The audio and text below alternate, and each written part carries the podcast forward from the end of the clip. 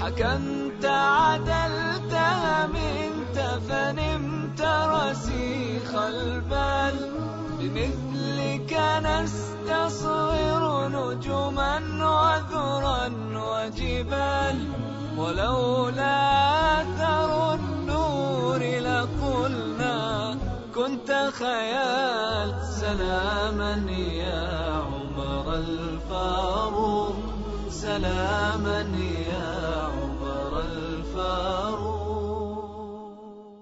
بسم الله الرحمن الرحيم. أيها الأخوة والأخوات السلام عليكم ورحمة الله وبركاته. أهلا وسهلا بكم من جديد في حلقة من برنامجكم قصة الفاروق.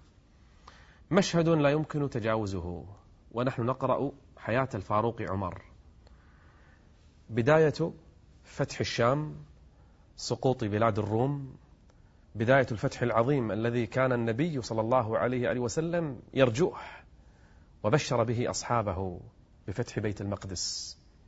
هرقل قيصر الروم يزور بيت المقدس ليودعه وداعا أخيرا. فيحج بيت المقدس يخرج يقف في مدينة على مرتفع ليشاهد بيت المقدس فيسلم عليه سلاما أخيرا. وكان من كلامه السلام عليك يا سورية. كانت الأرض كلها أرضا واحدة. كلها تسمى بلاد الشام أصلا. فودع الأرض. ثم خرج إلى القسطنطينية. خلاص. قال فلربما لا ألقاك بعد لقاء هذا. خرج إلى القسطنطينية هي عاصمتهم الأخرى. فوجد هرقل رجلا من أصحابه كان قد أسر عند المسلمين. فسأله كيف كنت تراهم؟ يعني جيش الإسلام هذا اللي طلعنا من من الشام ورجعنا اليوم إلى القسطنطينية كيف كنت تراهم؟ قال كنت أراهم رهبانا بالليل فرسانا بالنهار.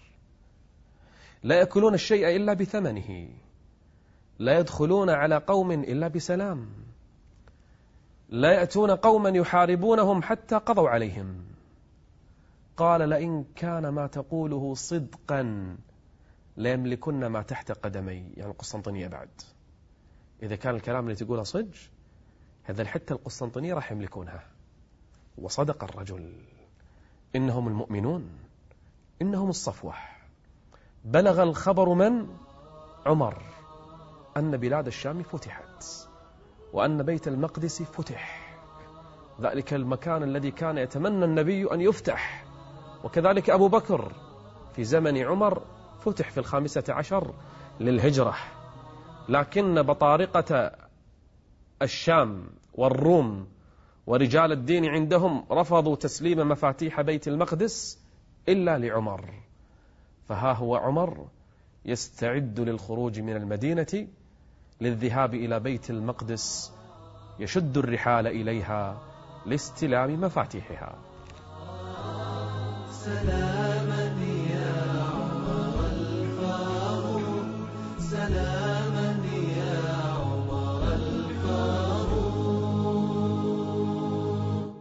عمر بن الخطاب ما ذهب بموكب ولا بوفد كبير ولا ب لا.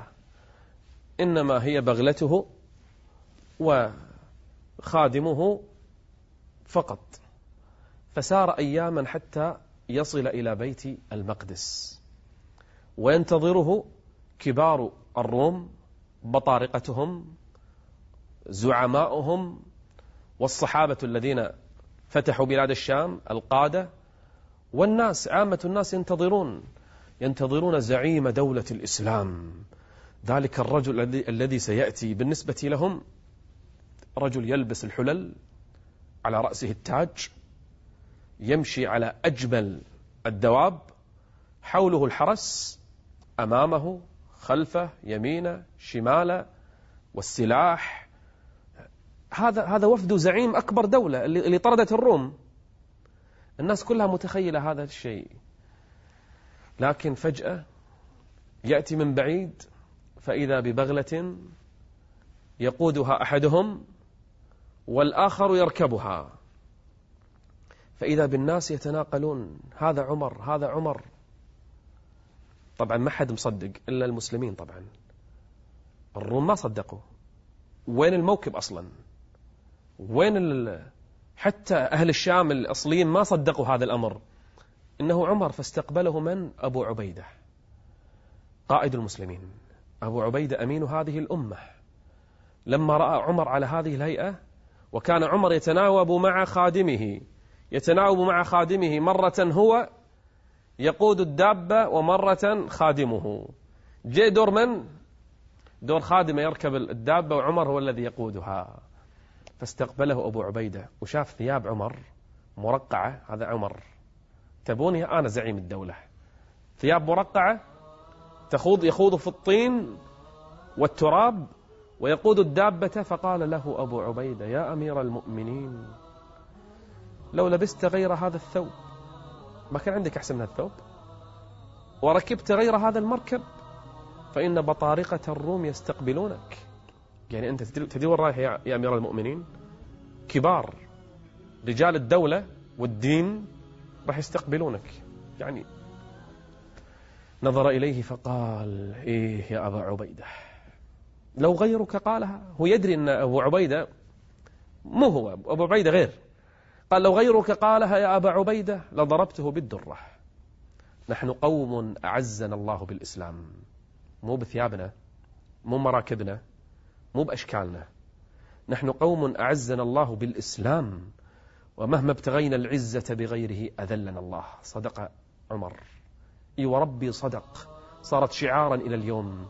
مهما ابتغينا العزة بغيره أذلنا الله. ترى جملة عمر باختصار هي تفسر كل مشاكل أمة الإسلام اليوم. نحن قوم أعزنا الله بالإسلام. ابتغينا العزة وين؟ مرة ابتغوا العزة بالشيوعية والاشتراكية. مرة ابتغوا العزة بالرأسمالية ومرة ابتغوا العزة بالبعثية. مرة ابتغوا العزة ب... كل يوم يدورون نظام يبتغون العزة به. قال مهما ابتغينا العزة بغيره أي بغير هذا الدين أذلنا الله. وهذا اللي قاعد يصير. أول ما وصل راح وين؟ قال يا, يا أبا عبيدة سأذهب إلى بيتك. قال لما يا أمير المؤمنين؟ قال سنرتاح يعني. قبل ما نروح نوقع المعاهدات ونجلس معاهم ونستلم مفاتيح. أبي أجلس عندك في البيت. حاول يتعذر. قال أدخلني بيتك يا أبا عبيدة. عمر شنو قصده؟ هذا والي من ولاتي قائد من القادة اللي عندي. أبي أشوفه شلون عايش. فلما دخل إلى بيته شاف البيت فارغ ماكو شيء. ما في إلا صحفة. ومثل السلة فيها كسرة خبز كسرات خبز. وإناء فيه ماء بس. ومثل حصير يجلس عليه. قال يا عمر يا أبا عبيدة هذا بيتك? قال نعم. قال ما عندك شيء غير هذا? قال إلا ما ترى يا أمير المؤمنين. إنما هي أيام يعني إحنا ماشيين من الدنيا. تدري إيش قال له؟ بكى عمر. عمر بكى لما شاف بيت أبا عبيدة. عمر يبكي يا الله. إذا عمر الزاهد يبكي على أبو عبيدة قال غيرتنا الدنيا كلنا إلا أنت يا أبا عبيدة. بكى عمر لما شاف حياة أبا عبيدة. هؤلاء الخلص من أصحاب محمد صلى الله عليه وسلم. بعدين وين راح؟ راح بيت المقدس. الناس يستقبلونه. أول ما راح شنو شاف؟ شاف صخرة اللي تعظمها اليهود عليها كل المزابل. النصارى لحقدهم على اليهود في ذلك الزمان لوثوا مكان اللي يعظمها اليهود. صخرة كان يعتقد اليهود أن عندها كلم يعقوب ربح. فكان المكان مكان عبادة عندهم. فلما رأى عمر المزابل عند هذه الصخرة أمر أصحابه بتنظيفها. نظفوا نظفوا كل المكان. ثم جعل له قبلة ليصلي فيها. وسأل عن بلال. بلال كان كبير بالسن وموجود. أين بلال؟ قال ها هو بلال. قال أذن يا بلال لأول مرة. وأذن. وكان بلال كبر بالسن ما كان يأذن.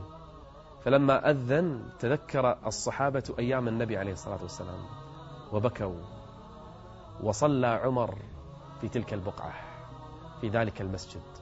وصلى الناس خلفه وسلم مفاتيح بيت المقدس تلك البقعة الشريفة المباركة. وكتب المعاهدة العمرية التي أعطى فيها الناس كلهم حقوقهم النصارى حقوقهم اليهود حقوقهم يعيشون في بلاد المسلمين كنائسهم صوامعهم أماكن عباداتهم لا تمس. لكل من الناس حريته في عبادته وكانت من أجمل المعاهدات وأرقاها في ذلك الزمان وما بعده من أزمنة. إنه فتح المسلمين لبلاد الشام إنه دخول عمر بن الخطاب لا كدخول غيره. ما دخلت النصارى حتى قتلوا من قتلوا وسفكوا الدماء حتى خاضت الخيول في دماء المسلمين وكذلك فعل اليهود. أما أهل الإسلام عندما يدخلون الأرض فإن أول ما ينشرون بها العدل والسلام فرضي الله عن عمر وأرضاه وجمعنا به في جنات النعيم. نلقاكم بإذن الله في حلقة مقبلة. أستودعكم الله والسلام عليكم ورحمة الله وبركاته.